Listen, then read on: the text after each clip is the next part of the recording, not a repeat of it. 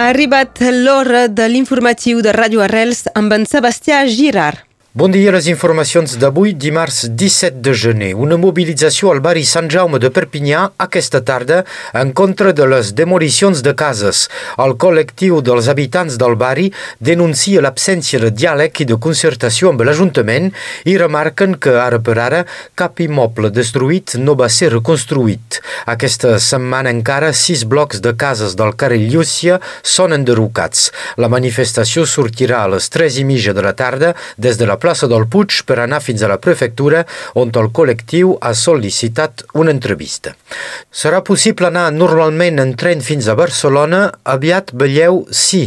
L'operador espanyol de trens Renfe realitza actualment proves sobre dues línies transfrontereres cap a Marsella i Liu. És una fase de test prèvia a l'obertura que se faria a la primavera.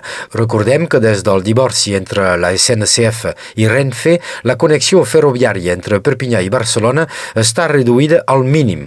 Les rutes de prova que ha començat a fer Renfe surten des de l'estació de Sants de Barcelona i fan parada a Girona, Figueres, Vilafant, Perpinyà, Narbona, Montpellier, Nimat, que ha començat els tràmits per obrir una sucursal a l'estat francès.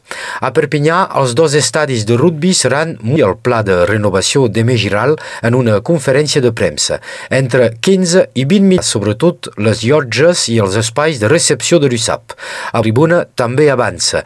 L'Ajuntament ja ha comprat l'última casa que impedia Guasc serà enderrocada i deixarà plaça a una tribuna nova amb aquí també vestidors. El calendari provisional preveu les obres durant la temporada a policia heu de circular en cotxe a Barcelona 17 nous radars del catalana. La velocitat és ara limitada a 30 km per hora a escoles i 50 km per hora a 4 Gran Via, l'Avinguda Diagonal i el passeig de la Bona Nova. El nombre d'accidents a la capital catalana, l'excés de velocitat... Matteo Messina Denaro, el capo més buscat per la policia italiana després de 30 anys de recerca de Palerm a Sicília, on Messina rebia un trai.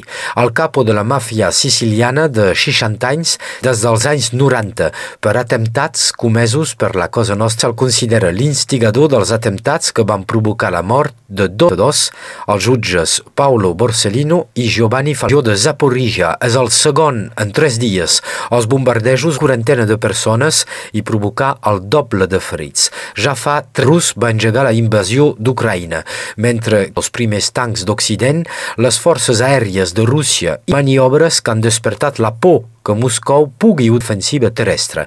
El president ucraïnès Volodymyr Zelensky, Rússia, ha estat preparats davant d'un eventual atac.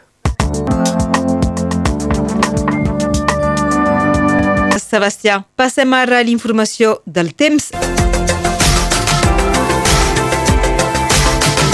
Dia ens podem atrevir a dir que estem per fi en hivern, temps humida sobre una gran part del territori.